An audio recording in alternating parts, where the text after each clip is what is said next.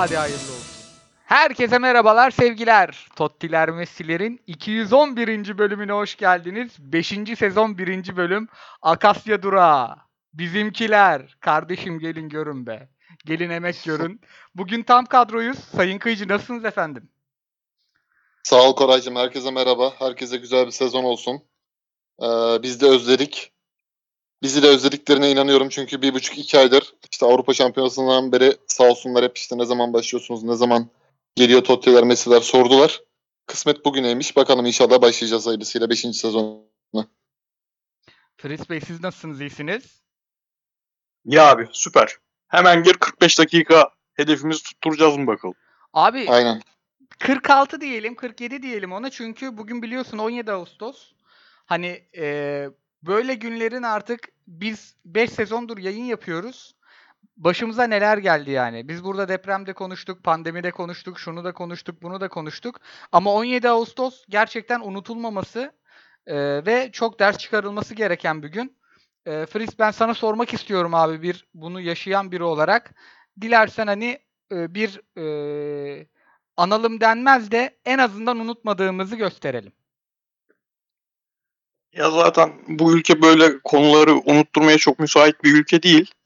Tabii ki eee, bizim jenerasyonun unutmasına imkan yok ama hani kıyaslamıyorum da şu yangın meselesinde gördük ki zaten istesek de unutabileceğimiz şeyler değil. Hani çok çok çok daha küçük ölçekli bir durumda, bir felaket karşısında bizi yönetenlerin bizi ne hallere düşürdüğünü sürekli kafamıza sokuyorlar zaten. Yani biz, biz değil yani çok önemli yerlerde konuşan insanlar da ne kadar konuşsa da değişen bir şey olmuyor. Ben neşeli başlarız diye düşünüyordum. Şu an çok sıkıntılı yerden sordun. O yüzden ben es geçeyim ya. Çok fazla bir şey söylemek En istemiyorum. azından eee, hatırlamış olduk. O zaman ben menüyü vereyim. Tempoyu geri yükselteyim. Giresun Galatasaray'la başlayacağız. Sondan başa gideceğiz. Bir marka ayı konuşacağız. Oyunu konuşacağız. Ben birkaç istatistik de buldum. Sağdan soldan. Böyle güzel. Onlar üzerinden biraz gideceğiz. Trabzon'un yeni kadrosunu konuşacağız. Malatya maçını konuşacağız. Fenerbahçe Adana Demir'i konuşacağız. Hem Adana Demir'i hem Fener'i konuşuruz oyunlarını. Beşiktaş'ın iyi başlangıcına, iyi transfer sezonunu konuşacağız. Anadolu'dan notlara böyle ligle karışık gireceğiz. Bu sene izlenir bir lig. Çünkü hep dedik yani alnımızak geçen sene bu lig çok izlenebilir bir lig değildi. Çok da rahat konuştuk. Ondan sonra önümüzdeki haftanın fikstürüne bakacağız. Soru cevap kapanış yapacağız. Hazırsanız Giresun Galatasaray'la başlıyorum. Önce oyunla başlayalım dilerseniz. Ondan sonra geçelim marka mevzusuna. Abi yani ben çok büyük keyifle oturdum televizyonun başına. Sen Johnston'a 4 tane atmışız. Ben tanımıyorum Sen Johnston'ı. Yani çok çok patates bir takımsa da 4 tane attık yani. Helal olsun. İyi bir maç bekliyordum. Ama iyi bir oyun oynamadık özellikle ilk 20 dakika. Çıkamadı Galatasaray bir türlü. Ondan sonra hatta şöyle destekleyici bir e, istatistik vereyim öyle atayım pası size. Bu hafta rakip sahada top en çok top kazanan 3. takım Giresun. Yani öyle bir baskı yemişiz ve o kadar çok top kaptırmışız. Biz ki kendisini pas oyunuyla tanımlayan bir takım bu. Kıyıcı sana atarak pası başlayayım. Nasıl bir Galatasaray gördün? Ne bekliyorduk, ne bulduk? Yani normalde Fatih Hoca'nın ve Galatasaray'ın sezon başlangıçları biraz sancılı olur işte. 2011'deki İstanbul Büyükşehir Belediye yenilgisi işte 2018'de e, tekrardan Denizli Spor deplasmanında alınan bir mağlubiyet vardı. Selçuk'un penaltı kaçırdığı maçta. E, şimdi tabii yeni kurulan bir takım. İşte geri dörtlüsü belki ilk defa bu kadar hani e, iki maç üst üste oynadı. Onun dışında orta sahaya iki tane yeni transferi var. Çaldağ ve Berkan. E, bir de öndeki hücum hattı var. Geçen seneki kadroda olan oyuncular tekrar kazanmaya çalıştıkları Feguli. Yeniden takımda kalacak gibi gözüken Cagne ve genç oyuncu Kerem.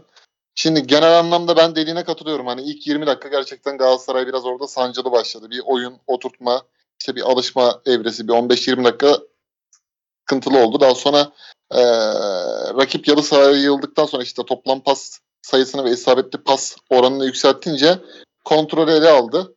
O sırada da tam aradığı golü buldu. Çok fırsatçı bir şekilde işte Cagne'nin devam eden takibindeki golüyle eee, öne geçtiler. Zaten ondan sonraki işte Hüsamettin'in yapmış olduğu penaltı ve maç orada zaten bitti. Galatasaray Perşembe günkü Randers deplasmanı düşünerek biraz oyunu rolantiye aldı diye düşünüyorum. Çünkü hani e, istediği skora ulaştığı için Giresun'da garda düştü. Belki hani Giresun 1-0 öne geçseydi çok başka bir skor neticeye gidebilirdi o Keita Balde'nin yaşattığı tehlikelerde. Ha ben genel anlamda e, maç üzerinde değil de sezon üzerinde daha çok Galatasaray'ı konuşmak istiyorum. Şimdi bu sene attıkları adımları doğru buluyorum transfer sürecinde. Yani Galatasaray'ın oyun planında mesela Saça Boya'yı doğru bir oyuncu izlenimi veriyor. Her ne kadar bazı ilk dokunuşlarda first touch'ta sıkıntılar yaşasa da ben e, hani bir arada kalmış oyuncu olarak görüyorum Boya'yı. Yani çünkü Türkiye'ye artık 20 milyonluk oyuncu gelemez. Haliyle e, çok düşük seviyedeki oyuncu da belli ediyor artık bu ligin zorluğundan ötürü çıtayı.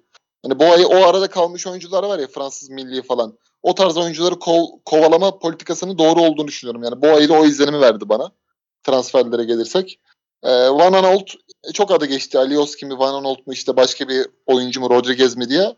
Şu anki izlenimim e, iyi yani. Hani çok böyle sırıtmadı. Neticede bir 200 maç Premier Lig oynamanın bir avantajı var oyuncuda.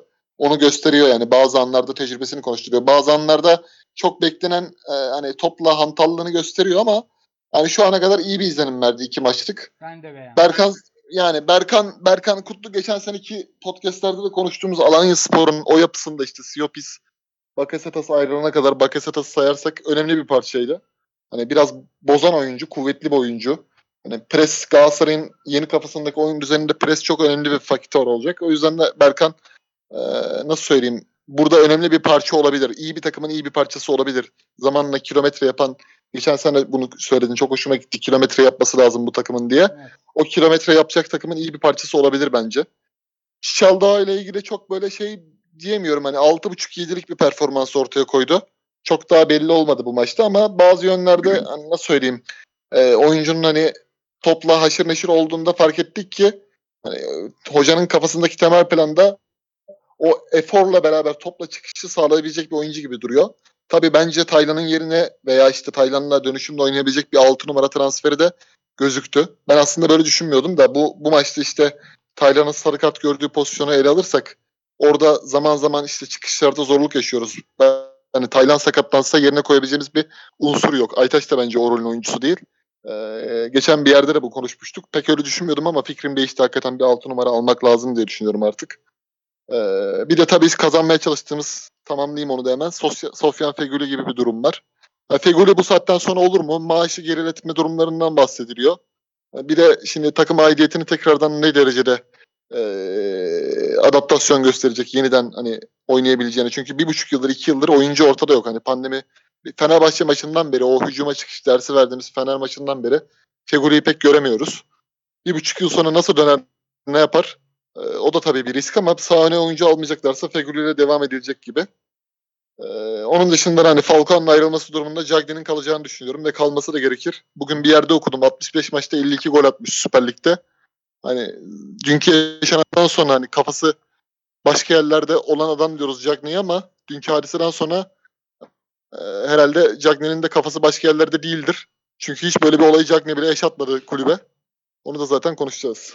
Tabii tabii abi. Önce oradan bir Fritz'e atayım pası. Abi istersen sen de hani çok maça takılmadan çünkü hani çok kılavuz olacak bir rakip değil Giresun. Ee, 8-10 oyuncusunu tanımıyorduk yani Hüsamettinleri falan ben tanımıyordum alt lig izlemediğim için. E, dilersen sen de böyle bir sezon projeksiyonu yap ondan sonra Markao'ya geçelim. Tamamdır abi. Hüseyin Kıyıcı'nın söylediği hiçbir şeye katılmıyorum.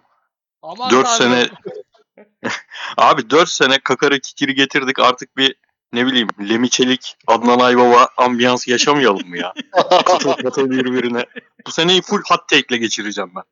Yani böyle Stephen A. Smith gibi geçireceğim. Oo, şahane. Abi Galatasaray için şunu söyleyeyim.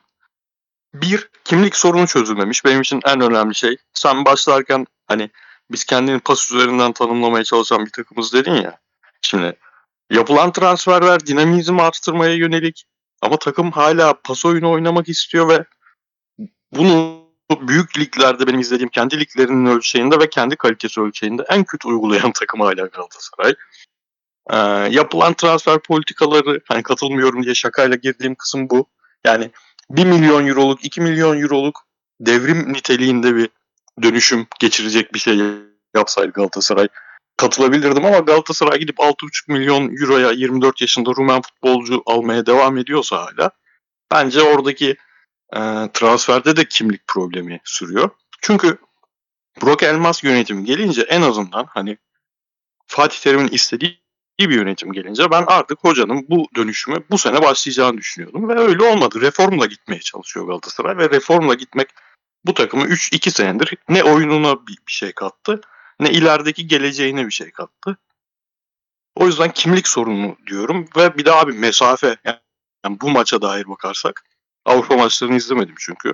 Mesafeler hala çok açık abi yani Galatasaray bu kadar çok rakibi, rakibin kalitesi ne olursa olsun. Yani hangi takımla oynarsa oynasın bu kadar çok kendi ceza sahası içine sokar mı ya? Yani top o, o kadar rahat giriyor ki Galatasaray ceza sahası içine. Bu acayip bir organizasyon bozukluğu. Yani bu hem organizasyon hem fiziksel kaliteyle alakalı bir şey. Fiziksel kaliteyi zaten anlatmamıza gerek yok. Yani işte ee, kendini fiziksel kaliteyle tanımaya, tanımlamayan bir ülke takımı olarak bir Roger Schmidt takımına düşülen haller o kadar anlattınız, konuştunuz. Geliyorsun Giresunspor'a da aynı duruma düşüyorsun. Onu söylemeye gerek yok. E organizasyon da olmayınca maalesef benim açımdan çok hmm, hayal kırıklığı demeyeyim bekliyordum ama üzücü başladı. Ha bu Kıyıcı'nın söylediği bir Fatih Terim takımı böyle başlar zaten yani. Önemli olan bir Fatih Terim'in ta- takımının 10. haftadan sonra yaptıklarıdır. O yüzden e, ekstra moral bozukluğuna gerek yok belki. Ama hani oyuncular için de şunu söyleyeyim. Özellikle Çikaldao için. Yani ben sahada bir 6,5 milyon euro görmedim.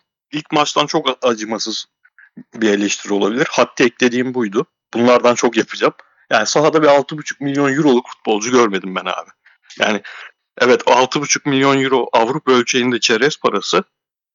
Ama bizde euronun 10 lira olduğu yerde o oyuncunun ilk maçından o ışıltıyı göstermesi lazım bana. Maalesef Belhanda'nın fizik kalitesi düşük hali gibi geldi bana.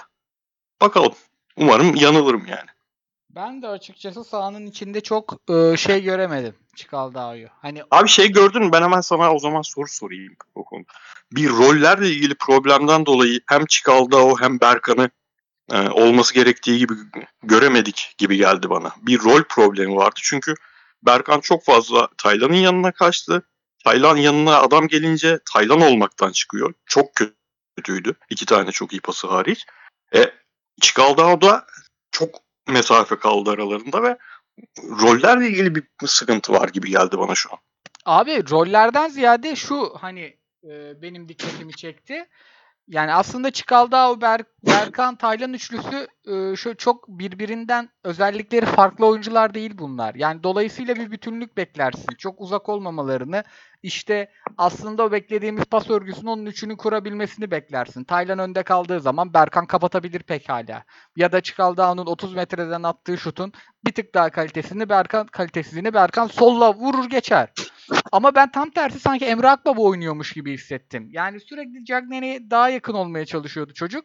Ve baskı yedikten sonra da iyice şekli bozuldu takımın. Yani biz biraz Evet. Giresun'un baskı yani Giresun sonuçta 45 dakika bizi önde basamazdı.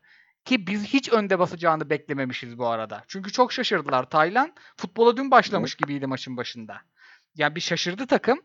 Ee, ve yani şu an benim açıkçası iki tarafım var. Böyle e, diş macunu reklamlarında görürsünüz ya bir tane başka yerle fırçalanmış, bir tane başka e, macunla fırçalanmış. Benim pozitif bakan tarafım dediğiniz standartta Fatih Terim takımı başlangıcı standardıysa bu fena standart fena başlamadı o zaman Galatasaray. Ama e, bir iyi tarafı şuradan da bakıyorum. Abi oyuncular teker teker ya şimdi Berkan en az 12 kilometre koşmuştur dün. Yani bazı özellikleri de görüyorsun. E, Cagney'in diriliğini görüyorsun. Kerem'in daha iyi olduğunu görüyorsun. İşte Feguli'nin klasını görüyorsun. Lambu Sasha Boy iyiymiş diyorsun.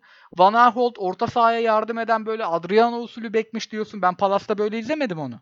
Ya bu oyuncular ayrı ayrı bir şeyler gösteriyor. Eğer derseniz ki ki bence böyle olması lazım zaten. Bu takımın Böyle kilometre yaptıkça oyunu oturacak. Fizik olarak da gelişecek. Terim takımları hakikaten öyle oluyor. Sezonu çok iyi açmıyor. Zaten Şampiyonlar Ligi'ni sattıklarını açık açık söyledi yönetimde. Yetiştiremeyiz dediler. Hoca da e, yetiştirsek de alacağımız kesin değil dedi. Hani zamanla ilerleyecek böyle kilometre yaptıkça büyüyecek bir takım için bence fena değil bu başlangıç. Ama abi Beşiktaş zımba gibi girdi. Trabzon zımba gibi girdi. Sen o kilometreyi yapacağım derken 3 hafta 4 hafta bir takılırsın. Bir bakmışsın puan farkı 9 olmuş. Ve bu takım burası Galatasaray. Karagümrük'te büyütürsün oynaya oynaya. Burada kazana kazana büyünür oyuncu, büyür oyuncu. Yoksa Kerem'e başlar sallamaya, Berkan'a başlar sallamaya. Burası büyük takım. Yani burada kreş gibi büyütemezsin. Kazan yani eğer Fatih Terim takımı sezonu erken açtı, böyle işte bu standartta başlayacak, hep ileride açılırsa biz çok büyük risk almışız. Bence bu sene öyle başlamamalıydık oynamaya. Yok yok o kaldırmıyor. iki senedir görüyoruz yani. E, ikinci yarı gelir. Artık rakibin Başakşehir değil. Artık rakibin hep Beşiktaş olacak, Trabzon olacak, Fener olacak. Ben gider Feguli çıkar hayvan gibi bir performans göster gösterir. Telafi ederim onları. Ligi değil artık bu lig. Çünkü çok ufak fark var bütün takımlar arasında. Yani bütün takımlar çok arızalı takımlar. Bu sene ge- geçmişe göre daha iyi tabii hepsi. Ama hepsinde hala çok temel arızalar var. Ve çok ufak farklar belirliyor. Senin dediğin gibi şimdi burada 10 puanı bırakayım veya kötü oynamaya da devam edeyim 10. hafta düzelirim artık kaldırmıyor. Bir daha bir şey can sıkıcı yani. O 20 dakika var ya Giresun yaşattı. Aynen. O 20 dakikayı Galatasaray ilk kez yaşamıyor. Galatasaray geçen sene o bizim çok izlemekten keyif aldığımız Ocak Şubat arası hariç o da tabii rakiplerin tercihleriyle de çok ilgili bir dönemdi. Defalarca yaşadı. Defalarca Galatasaray pasta çıkamadı ve hep işte Luyendama'nın ne kadar kötü bir futbolcu olduğundan bahsettik burada. Abi Şimdi şey maçını izledin değil mi? Alanya Başakşehir maçını izledim. Evet. Alanya, Alanya golü de erken bulunca ki sanırım bu sene e, zaten tercih olarak bir Abdullah Avcı'nın zamanında Başakşehir'de yaptığı gibi bir tercih e, daha bir e, tempoyu hafif düşürüp pas takımına dönüşme çabası var. Abi Başakşehir deli gibi bastı bir 10. dakikadan sonra. Her defasında çok iyi çıkmadım Alanya. Aynen. Alanya'nın elinde harika ayağı inanılmaz düzgün stoperler mi var? İnanılmaz düzgün Mariano gibi bekleri mi var? Yok ama bakıyorsun görüyorsun çalışmış adamlar deli gibi çalışmış ve çok net bir organizasyon var orada. Benim canımı sıkan bu. Yani bu 20 dakikayı Giresunspor'dan yaşamamalı Galatasaray. Yememeli. Evet yani burada umut ettiğimiz e, ufak tefek şeyler var. İşte oyuncuların alışması, takımın fizik olarak gittikçe ileri gitmesi vesaire. E, sezon ilerledikçe. E, onun dışında gerçekten parlak bir başlangıç olmadı. Marka olayına geçelim. Benim abi marka olayıyla ilgili yapacak yorumum yok. Berbat bir hareket. Cezasını çekmeli. Ee, sözleşmesi bence de feshedilmemeli. Çünkü sözleşmesi feshedilsin diye yapmış bile olabilir. Her oyuncu yani herkes kötü insan olmak zorunda değil. Bazısı kötü insan olur. Bazısının etrafında kötü insanlar olur. Bilemeyiz. Galatasaray'a zarar vermeyecek şekilde cezasını vermek gerekir bence. Bugün kovulsa üzülmem sevinirim. Ama e, yani hem çok konuşuldu bu konu hem de çok sağlıksız bir hareket yani e, manyaklık. E, çok iter tutar tarafı yok. Kıyıcı ne diyorsun abi? Sence nasıl bir ceza verilmeli ve ben yani açıkçası çok da sahada görmek istemiyorum artık herifi. Yani şöyle başka yabancı bir teknik direktör olmuş olsaydı eğer takımın başında gerçekten Galatasaray sezonu açtığı gibi kapatmıştı bu mevzudan sonra. Çünkü bölünmeler kopuk kopuk durumlar meydana gelecekti. Markao işinde hakikaten işin ehli hoca Fatih Hoca bu konuları gerçekten çözebilecek kapasitede görüyorum. Hani ne kadar her ne kadar e, eski bildiğimiz o FT problem çözme meziyetleri son yıllarda sekteye uğrasa da hala takım içindeki o işte Meloria krizindeki gibi konu Galatasaray'ın içinde geçtiği için özellikle milli takımlarıyla Galatasaray'da olduğu için kendi alanında bir konu çözeceğini düşünüyorum ama oyuncuyla ilgili de ben bu saatten sonra eski, eskisi gibi olmayacağını düşünüyorum. Çünkü oyuncunun yaptığı akıl almaz bir hareket. Öyle 30 metre falan koşacaksın, kafasına vuracaksın sonra bir sol bir sağ vuracaksın yani. Ben Galatasaray tarihinde böyle bir şey hatırlamıyorum yani. Var mı yok mu belki siz hatırlarsanız. Ben görmedim hiç. Senin hatırlamadığın bir şeyi Koray'la benim hatırlamam imkan, imkanı abi, sıfır. Abi inanılmaz ya valla. Hani Melo ile Sabri'nin bir münakaşa edip de boğaz olayı var. O 10 saniye falan sürdü yani.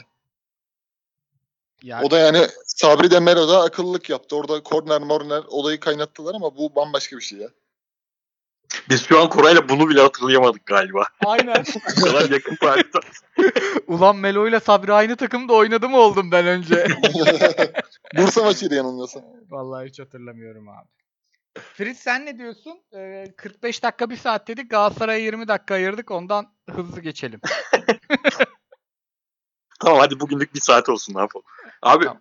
bir şey tarafı e, benim katılmadığım şu savunma var ya Markao için yapılan. Biraz da zorlama savunmalar. O ilk an topluca çok gaza geldik eyvallah da sonra savunmak için ya hiç mi futbol oynamadınız? Futbol içinde adrenalin içinde bunlar olur denen taraf var. Abi hayır. Futbol oynasak da oynamasak da bu 40 yılda bir olan bir şeyse bir futbolcunun 30 metre koşup e, takım arkadaşına tekme tokat girişmesi demek ki adrenalinle ala- alakalı bir şey değil.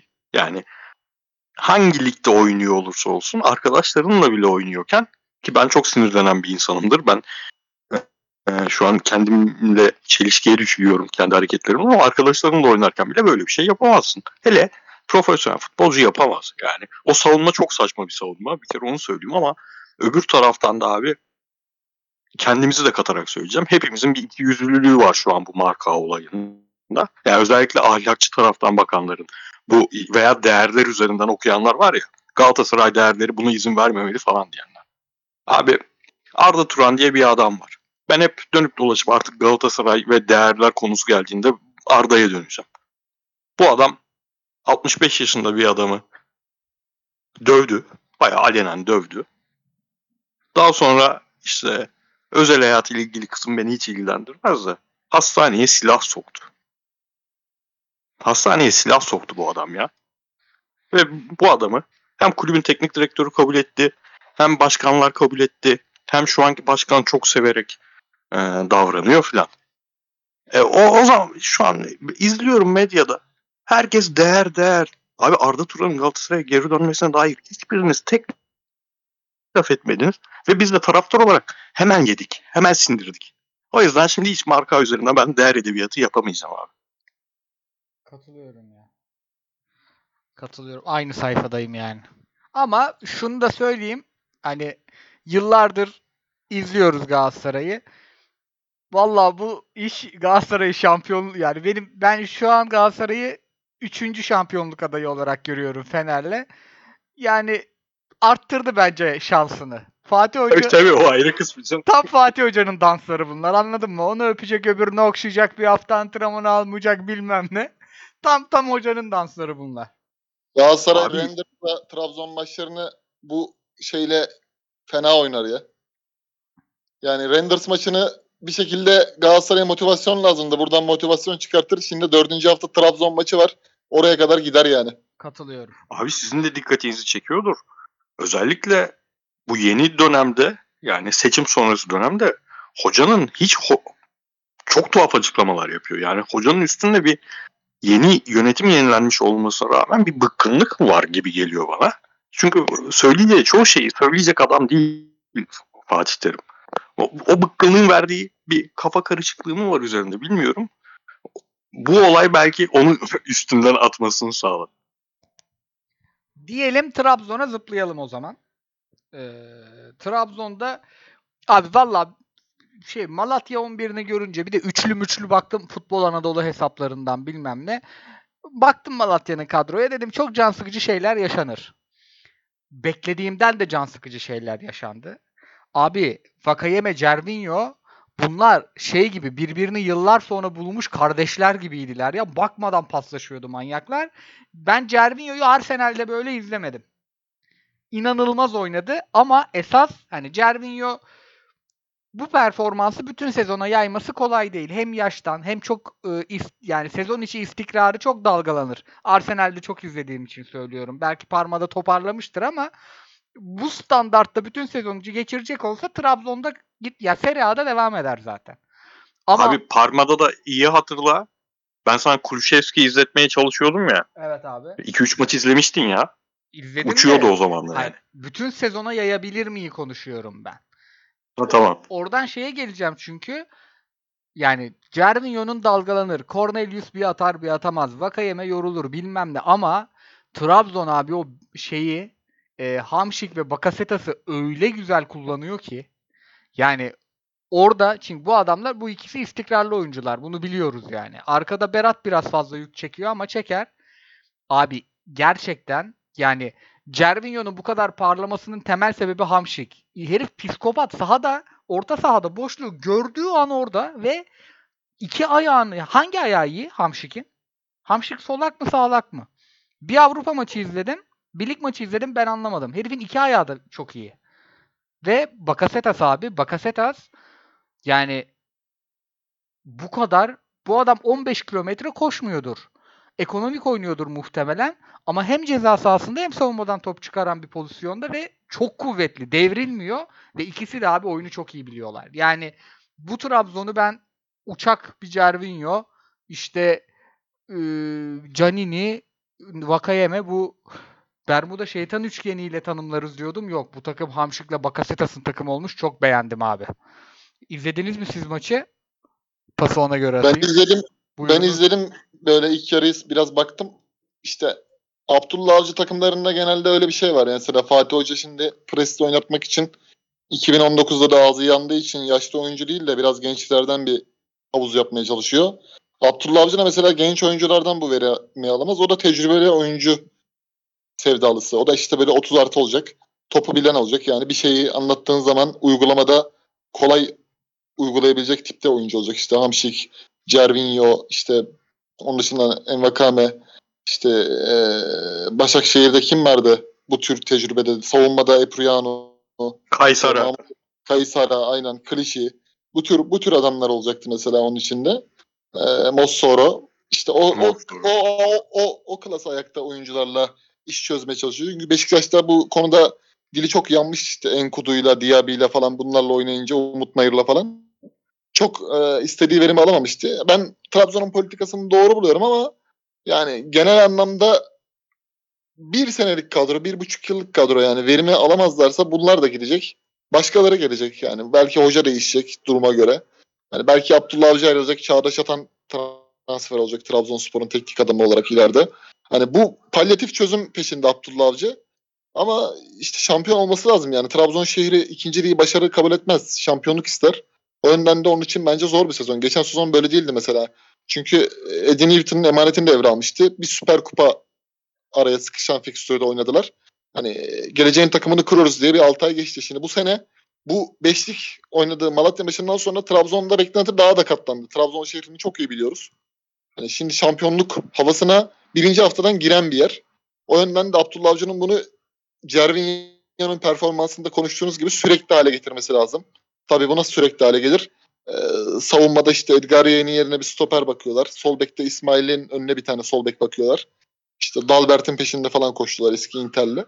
İşte bu tür çözümlerle belki çok çok daha iyi bir takım evresine gelir. O Ünal Karaman'la Başakşehir'in şampiyon olduğu sezon gibi sürekli tepeye oynamak zorundalar. Ee, öyle bir şey olursa Trabzon'da yani e, ligin favorilerinden biri olarak devam eder diye düşünüyorum.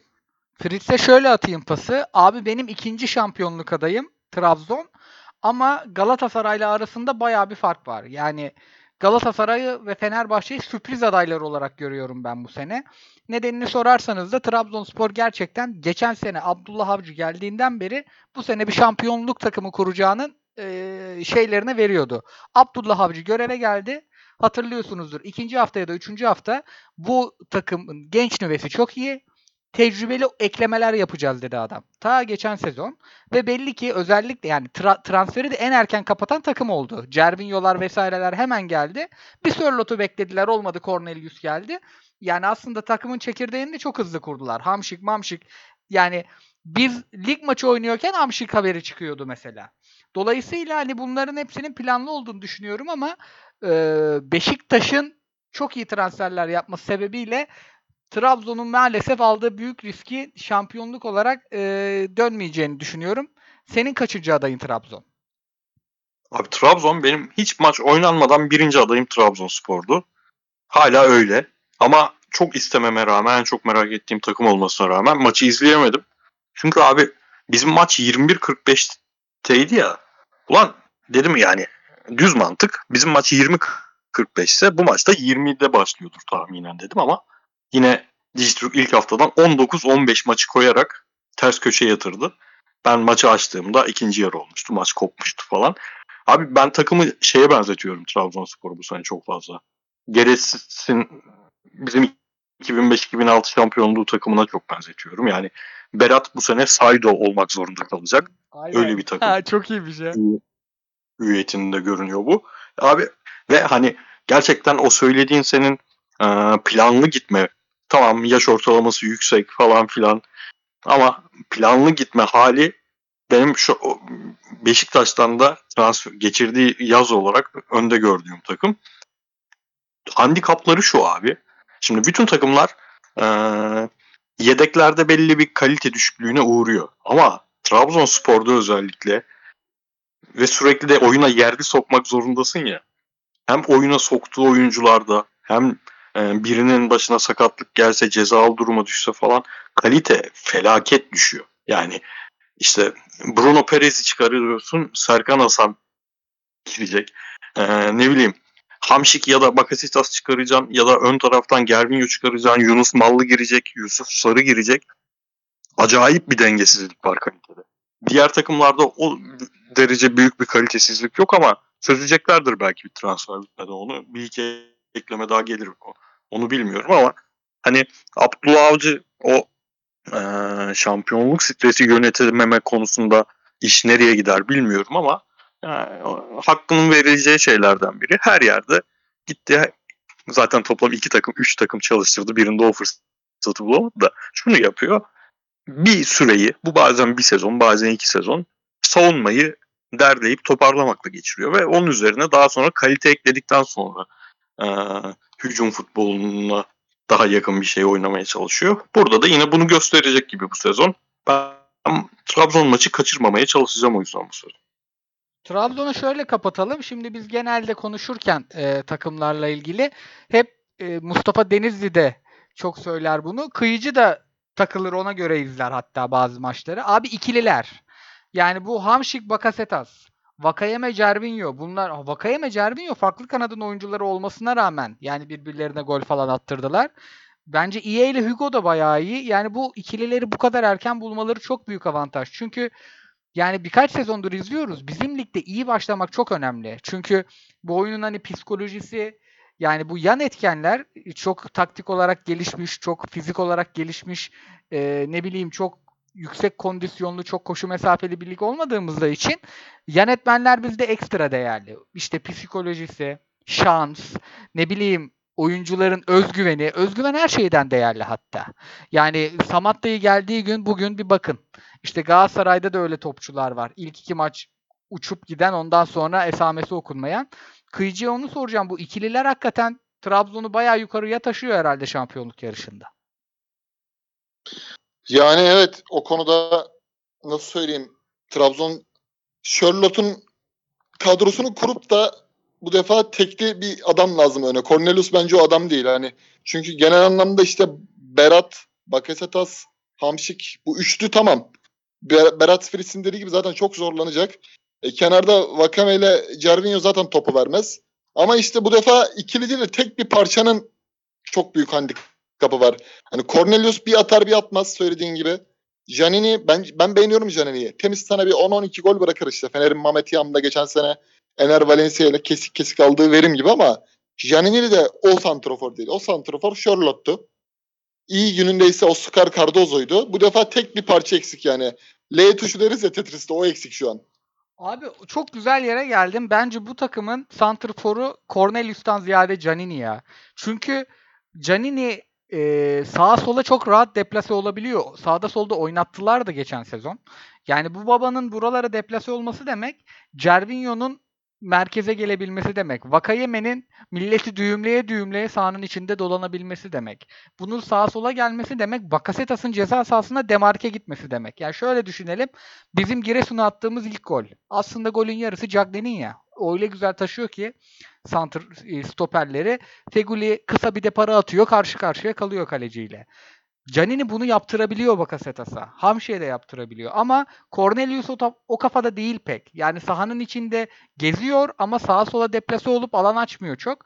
O daha ziyade fiziğiyle etrafını oynatan bir oyuncu. Trabzon'da o ortaları açacak bek var mı? Yani bence o yüzden daha hareketli Canini daha keyifli futbol izletecek bize. Evet evet bence de. Abi bir de yani Hamşik, Bakasetas ikilisi öyle büyük şans ki skor anlamında Trabzonspor dört büyükler içinde bu sene skorla ilgili problem yaşamayacak tek takım bence. Yani Hamşik, Bakasetas koyduğun zaman oraya hani ön üçlünün parçası değil orta üçlünün parçası olarak bu adamlar olduğu zaman öndeki adam Cornelius da olsa, Canini de olsa işte Gervinho gibi muhtemelen böyle 10 hafta gol atmama serileri yakalayacak bir adam bile olsa ön tarafta. Bu ikilinin varlığı hiç problem yaşatmaz bence ki zaten önde de En- Envakame gibi bir adam var. Abi unutmadan bu arada şeyi biz nasıl söylemedik ya. 70-90 arası Luyendama performansı. Şovlu, şovlu 1'e 9. 1'e 9. 1'e 9. ya pezevenk ille böyle bir şey mi olması gerekiyor ya? Bak sakatlıktan sonra gördüğüm ya Derrick Rose gördüm ben sadece. Bu kadar oyuncu tipi değişen, Ben onu tamamen düşen. Victor Nelson transferine bağlıyorum abi ona. Harbi mi? Abi ama 70'e kadar da yine çok kötüydü yani. Adama Abi yok. 70'ten sonra bir şey oldu. Şimdi şimdi mesela o pas bir tane pas attı ya. O pasta mesela ayağının içini falan kullandı. Ben oradan o çıkarımı yaptım. Hani çok göstermediği şeylere biraz daha göz önüne sergiledi. Biraz böyle o futbolcuyu biliyorsun hani şimdi yeri sağlam değilse menajer falan konuşur. Oğlum bak işte yerine adam aldılar. Biraz kendini çeki düzen ver ben sana kulüp bulurum gerekirse Avrupa'ya götürürüm seni falan filan. O kıvamda bir konuşma olmuş olabilir yani maçtan önce. Ya da marka o hareketi yapınca bunun kafa rahatladı. İyi o da- son maç rahat o- yok. o- Ben o- rahat o- rahat o- oynarım. O, o da olabilir yani. yani. Ulan hoca işte bunu artık kesin papara yiyecek. Ben burada en azından biraz kendimi göstereyim. O zaman Trabzon'da gayet güzel konuştuk. Fener'e zıplıyorum. Fener'de de konuşacak şey çok. Fener'de de e, ben mikrofonumu ters tutmuşum pardon. Biraz az gitti sesim. Konuşacak şey çok. Ee, şeyle başlayalım. Şimdi abi benim Fenerbahçe maçında en anlamadığım şey şuydu. Adamlar 4 tane orta sahayla oyun kurucuyla çıkıyor sahaya. Hatta buna kutu orta saha diyorlarmış. Ben çok duymamıştım. Yani İngilizce kaynaklardan da okuyoruz bir şeyler ama orada da rastlamadım. Yani box orta saha hiç duymamıştım. Bu ne demekmiş abi? Sen üçgenleri, dörtgenleri daha rahat kuruyorsun üçlü oynarken. E, Atalanta'nın oynadığı oyun buna benziyormuş işte. İliç içli papulu falan. Yani izledim izledim pek anlamadım. Abi Fenerbahçe dört tane öyle orta sahayla oynuyor. Karşısındaki Adana Demir'in de iyi bir altı numarası yok. Presçi forveti yok. Presçi kanatları yok. Bu babalar böyle yani eli yüzü düzgün şey bir takım. Tam bir Samet Aybaba takımı yani. Top kendisindeyken renkli, top rakipteyken de böyle yalandan baskı, adam adam orta sahada eşleşme falan. Savunmayı böyle palyatif çözümlerle götüren bir takım. Abi Fenerbahçe %52 topla oynayabildi ya bu takıma karşı. Ve yani ne ceza sahasına girebildi, ne yani rakip sahada çok toplu oynayabildi. Bence burada temel sorun iki bekinin de kötü olması. O Samuel ne geride iyi ne ileride iyi.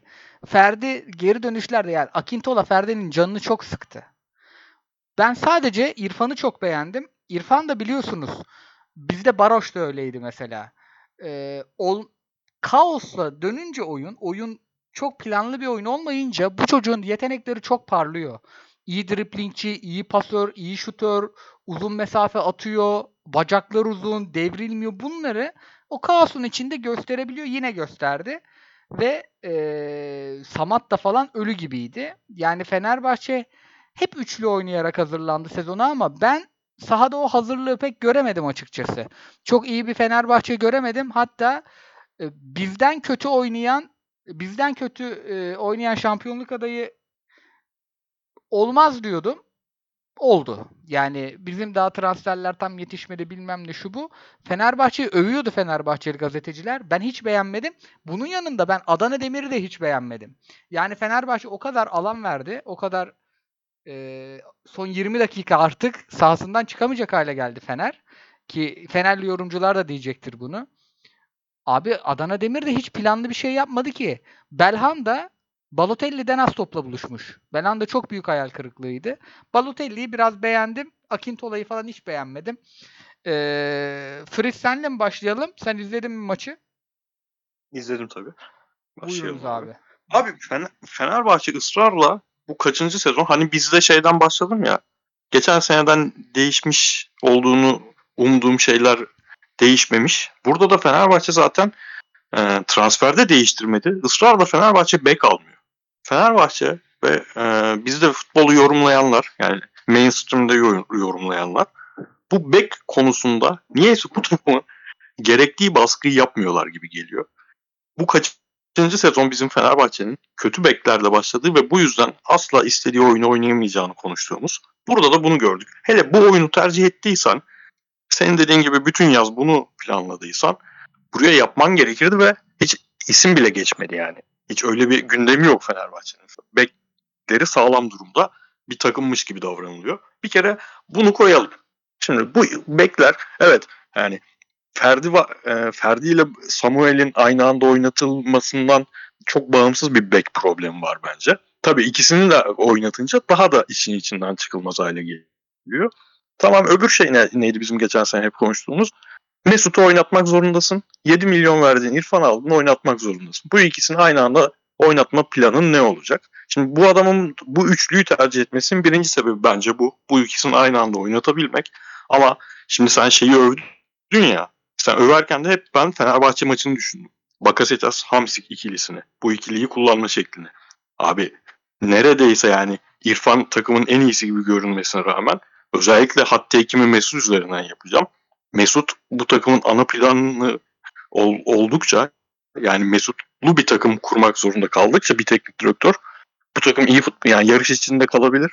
İyi futbol oynaması bence çok ihtimal yok. Gol atmış olmasına rağmen ben berbat bir Mesut izledim. Yani tamam koşular falan geçen seneye göre daha iyi ama hani beklentimiz lig kalitesi düştüğü için Mesut'un daha parlak bir şey futbol izleyiciyi izleteceği yönündeydi. Yani ilk maçtan maalesef söyleyeceğim ben Mesut'suz plan yaparım. Yani gemileri yakarım.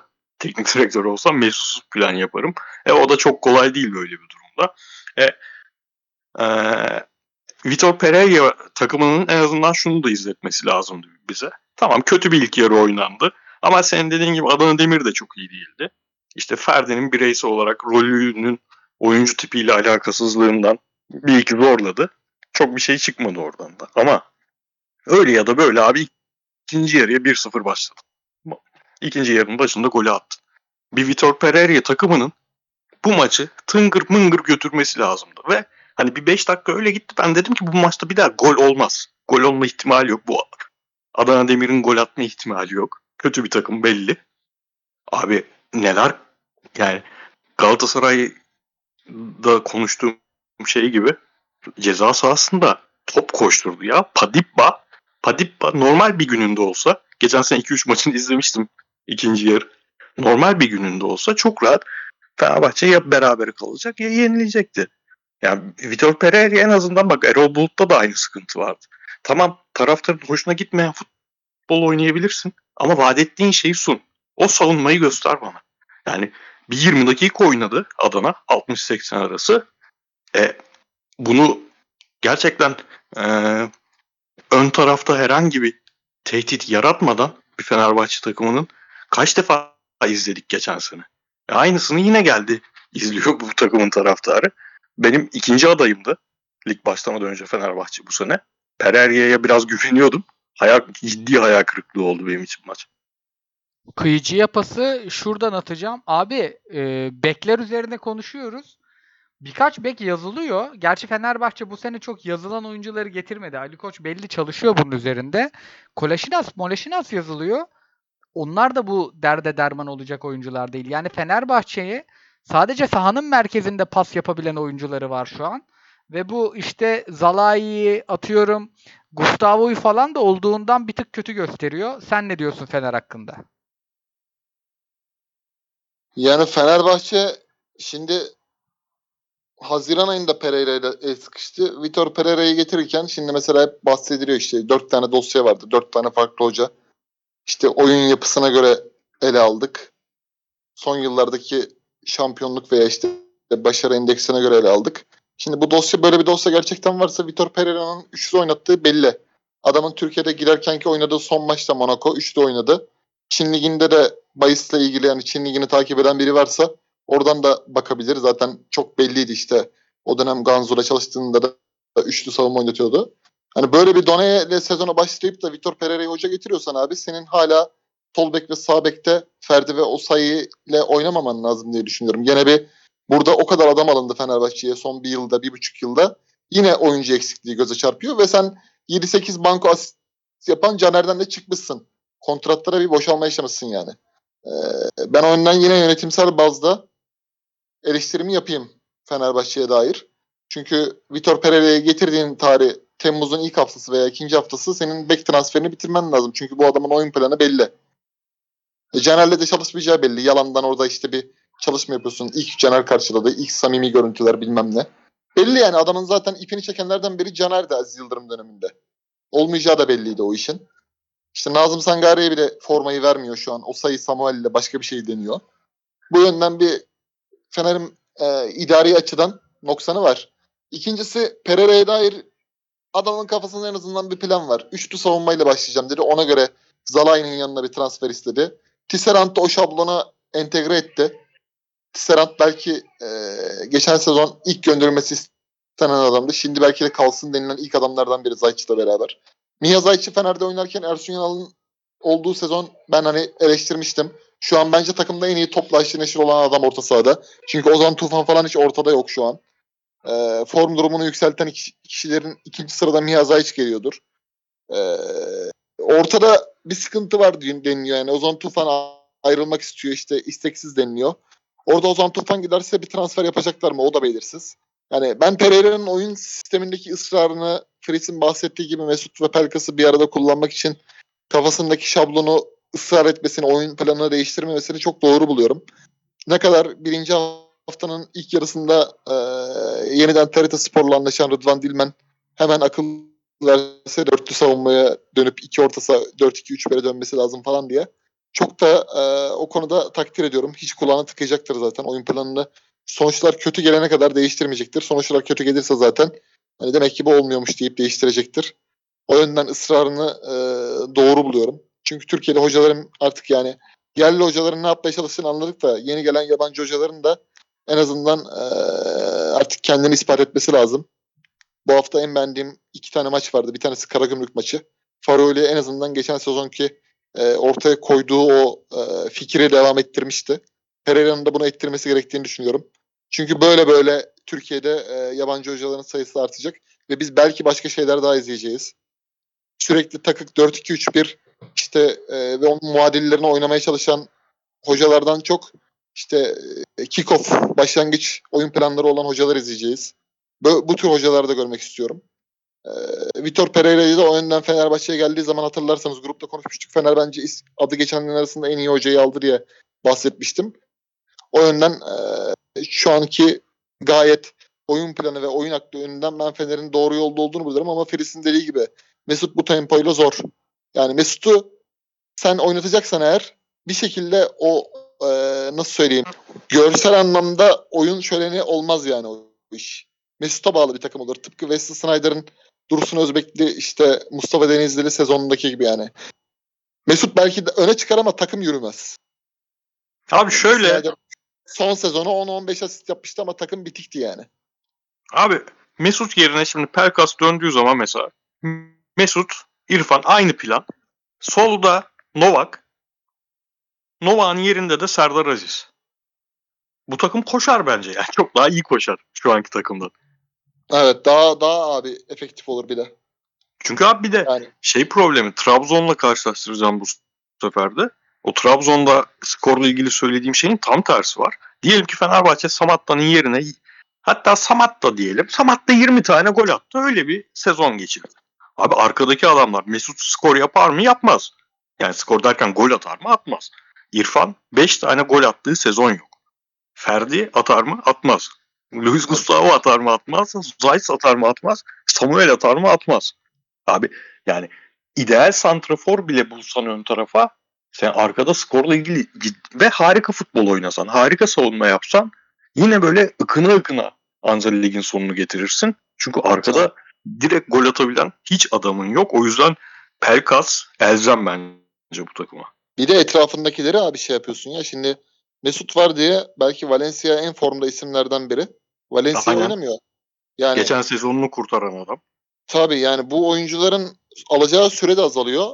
Zaten Mesut transferini biz baştan konuştuğumuzda bu yüzden yanlış diyorduk. Yani eski Mesut olmadığı için giderek artık kafasında futbol körelmeye başladığı için yanlış diye düşünüyorduk geçen seneki yayınlarda. Sen yanlış yani- diyordun da Koray'la biz onu soran bir arkadaşa Pelkas varken Mesut'a ne gerek var diyen arkadaşa kızmıştık. Pelkas kim ya diye. Abi şey hani bizim hatırlarsın Snyder mesela çok böyle tek adamdı. Snyder evet o 10 gol 12 asist işte bir şeyler yapıyordu ama mesela etrafında kalite körelmişti artık. Olcan vardı, Yasin vardı. Böyle çok benzemez oyuncularla donat dolu bir takıma dönersin ya- yani. O şeyi Abi- yapamazsan yani. Madem Abi- Snyder dedin, Snyder'e de bir parantez açayım buradan. Ya kardeşim, sen bu futbol, bu Galatasaray takımına benim gelmiş geçmiş en sevdiğim futbolcusun. En sevdiğim yabancısın en azından. Seni kimlere karşı savunduk? Harbi o havaalanında yalnız ayrılışına oturduk, işlendik. Acayip seviyoruz. Ya sen senin ben vicdanını sikeyim. 40 yaşına geldin nasıl aşı karşıtı olursun ya? Aklı başında bir insan nasıl aşı karşıtı olur ya? E senin hanım sana az yap, az bile yapmış o zaman. Yani Abi ne biçim bir adammışsın sen ya? Aşı karşıtı olmak ne demek ya? Abi ben onun şeyini yani midesizliğini esas Bülent Uygun paylaşımından anlamıştım ya. Bülent Uygun'u koydu ya kabak gibi. Ulan sen Wes, Wesley Snyder'sın lan sen Inter'le Şampiyonlar Ligi aldın balonları alacak adamsın. Bülent Uygun'un kitabına, kitabına hani Orhan Ovacıklı'ya da sanki Bülent Uygun'un kitabını tanıt Orhan Ovacıklı bile yani bir şüpheyle bakar sen Wesley Snyder'sın yani ya. Bu podcast'imizde de 3 hayal kırıklığım var. Biri kendisi ya direkt. Orhan Ovacıklı'yı da andık Güzide podcast'imizde. Abi bir de o zaman Padiba'yı tekrar ismini geçirelim. Öf. Ne Yü- performans izletti kral ya. Yüce her karate. şey- İstatistik kalemi sıfır. Padikpa şey ya bir tane Sonus zamanı topçu almış ya Southampton. Neydi Ali, da Ali Daire miydi neydi? Bilmiyorum ki. Ya adam topçu değilmiş abi oynamış ya 10 dakika az daha gol atıyormuş. Aynı onun gibi, aynı onun gibi oynuyor. Bu arada maç sonu şeyi izledim. Samet Aybaba'yı izledim. Hani herkes Toto oynuyor ya. Samet Aybaba ne zaman Balotelli ile papaz olur falan bu takımdan ne zaman sıtkı sıyrılır diye. Gayet mutluydu. İlk defa ben Samet Aybaba'yı bu kadar mutlu gördüm yani. Hiç eleştirmedi takımı. Oyuncuları eleştirmedi. Evet. Sanki o Totolar biraz boş çıkacak gibi bir süre. Bence boş Bir de Murat- çıkmayacak. Şeye Baba- benziyor abi ya. Hani Dursun Özbey'in zamanında Snyder'la işte Nigel de Jong'a Tudor kalır hepiniz gidersiniz lan diyecek bir kasaya benziyor Murat Sancak'ta şimdi. Oranın ağası o. Onun güveni de varsa eğer Bence Balotelli Ve ile değil, kontrat güzelse Belanda'yla Belanda'yla papaz olacak bence o. yani Belhanda'yla da olunur. Bayağı kötüydü. Abi ben şeyi anlamadım bu e, Pereira geldi. Üçlü oynayacak, üçlü oynayacak belli oldu. O zaman bizim sol bek belli değildi. Alioski'yi yazıyorlardı. Tamam dedim Fenerbahçe çöker buna. Biraz overpay eder çöker. Çünkü hem orta sahacı hem pasa uygun. Yani o üçlü Fener'in stoperlere bakıyorsun. Aslında beklerin birinin mutlaka oyun kurucu olması gerekiyor bir de. Tam dedim bu anlar Alioski'yi indirir. Ama şimdi oraya Koleşinaz falan yazılıyor. Ben yani ne derman olacak anlamadım deyip geçeyim Beşiktaş'a. Mesut'un kankası diye işte ya. Abi o zaman Mesut'u bıçaklayacaklar da bir yerde saldırdılar da kolesine Aynen, çalındı aynen. ya. O mu? işte, işte aradığımız futbol aklı. Kardeşim bu adam benim. Abi Beşiktaş'a Kesin o da acayip. Kolasinaç'ta da acayip Diriliş Ertuğrul falan izleyen adam tipi var. Kesin Acayip, beraber acayip. izliyorlardı. kesin ya kesin ya. şeye zıplıyorum Beşiktaş'a. Abi e, maçı izledim. Maç yani sanki geçen sezon devam ediyormuş gibiydi. Yani sadece e, Abu Bakar'ın yokluğunda hücumda biraz zorlanıyorlardı. Kenan orada daha çok alan açan, koşan, basan bir abimiz. E, Enkudu da biraz daha alışmış oyuna. Aynı topu oynadılar. Biraz Gezal formsuzdu yeni geldi diye. Ama bence Beşiktaş'ın konuşmamız gereken kısmı e, yaz dönemi. Şimdi bu adamların yerli e, rotasyonunda sıkıntısı vardı. Salih, Kenan vesaire kapattılar, düzelttiler. Şimdi Kaan Ayhan diyor e, spor medyasındakiler. Yani o Godin Modin değil Kaan Ayhan'a gidiyorlarmış yerli stoper. E bu babaların abi işte 9 numara Abu Bakar kaçtı. Çat Batshuayi geldi. Ee, Gezzal, Rozier kiralık. Bunlar kaçar bir yerlere iyi top oynadılar. Yok. İkisini de tuttular ve uygun fiyatlarla. Biraz bence Rozier'in bonservisi bir tık abartı gibi. Ee, şeye bakıyorsun.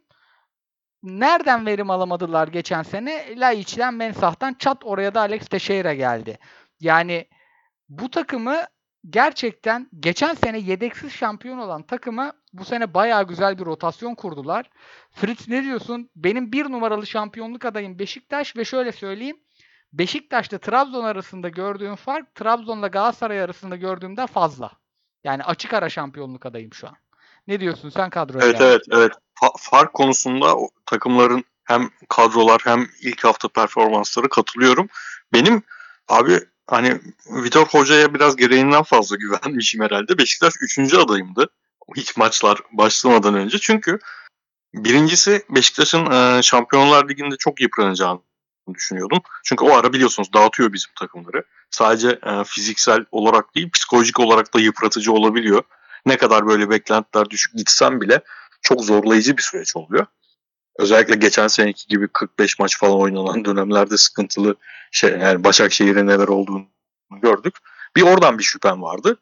Bir de abi Abu Bakar'ın kaybının ben e, gelecek isme göre yani Abu Bakar'ın birebir e, ikamesini yapamayacaklarını ve beklenenden büyük bir eksi yazacağını düşünüyordum Beşiktaş'ın oyununa. Çünkü Beşiktaş geçen sene e, çok fazla m, Atiba'nın koçuları dışında topla beraber ister e, ara pası olarak olsun ister dikine giden oyuncu olarak ol- olsun merkezde problemleri vardı ve e, o Abu Bakar'ın kendine has e, bağlantı oyunculuğu çok fark ettirmişti. Çok çok fark ettirmişti. Yani çok kilit noktalardan biriydi.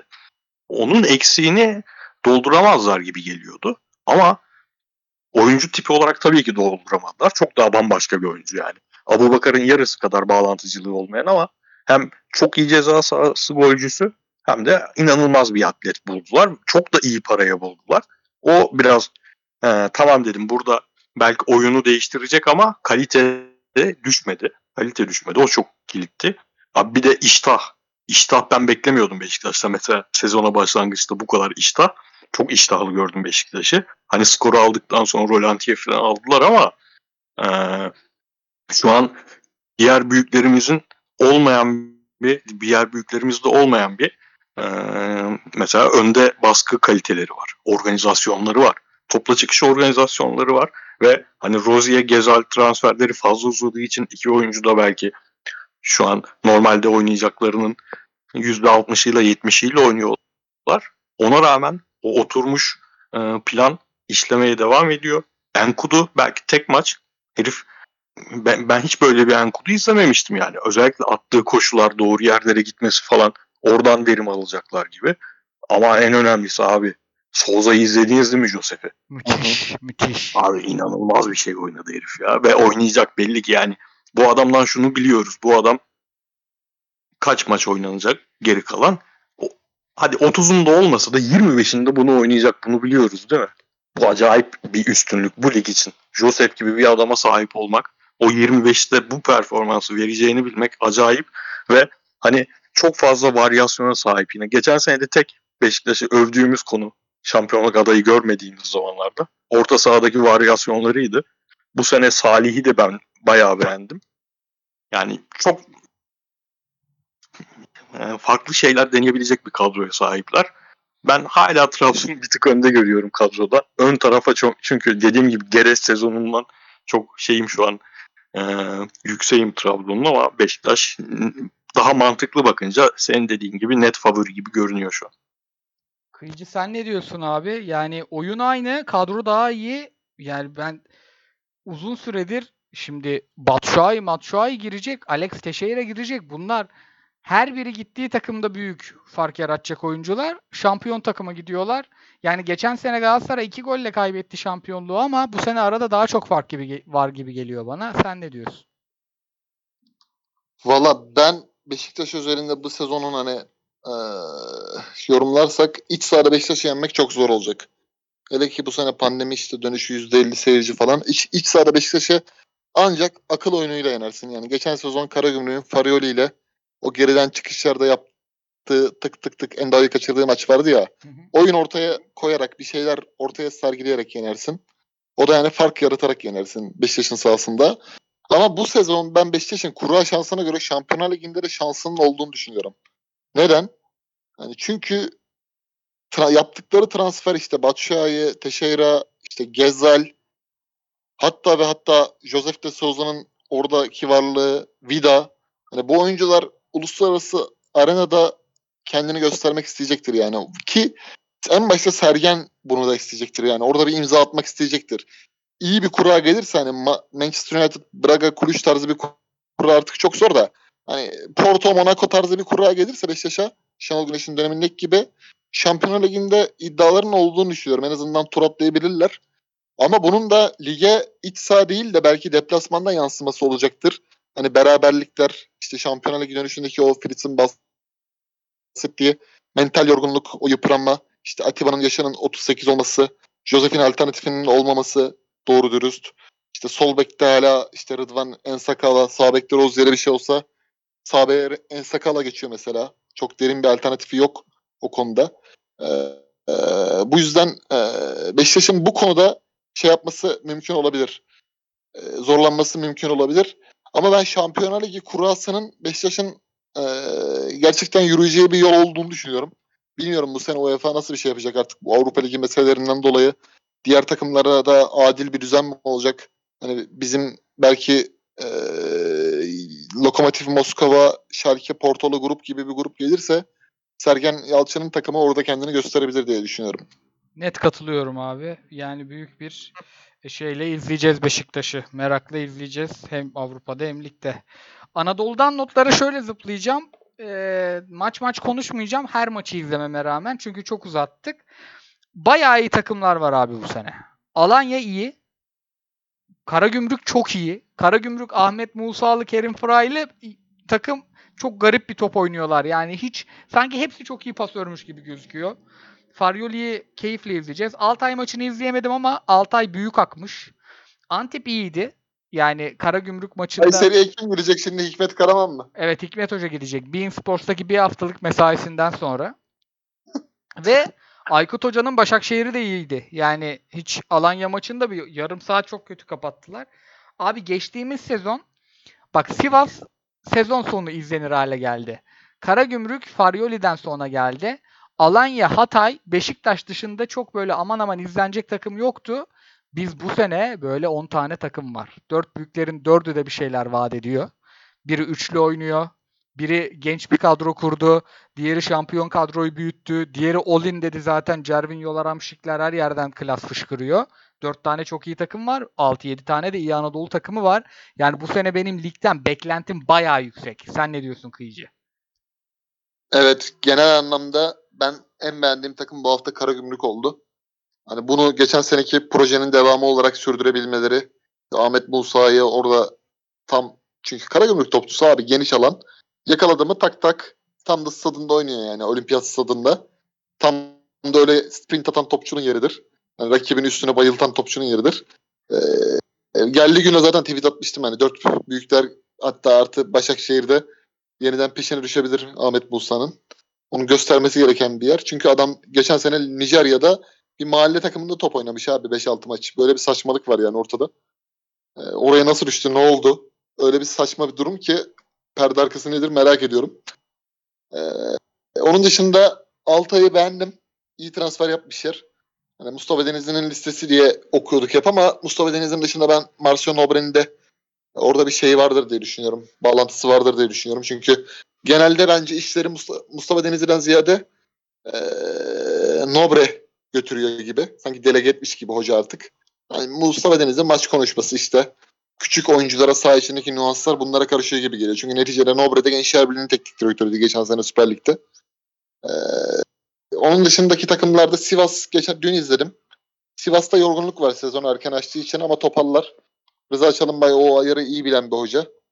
Hani aldıkları transferde Leke James diye bir oyuncu var. Değişik bir oyuncu.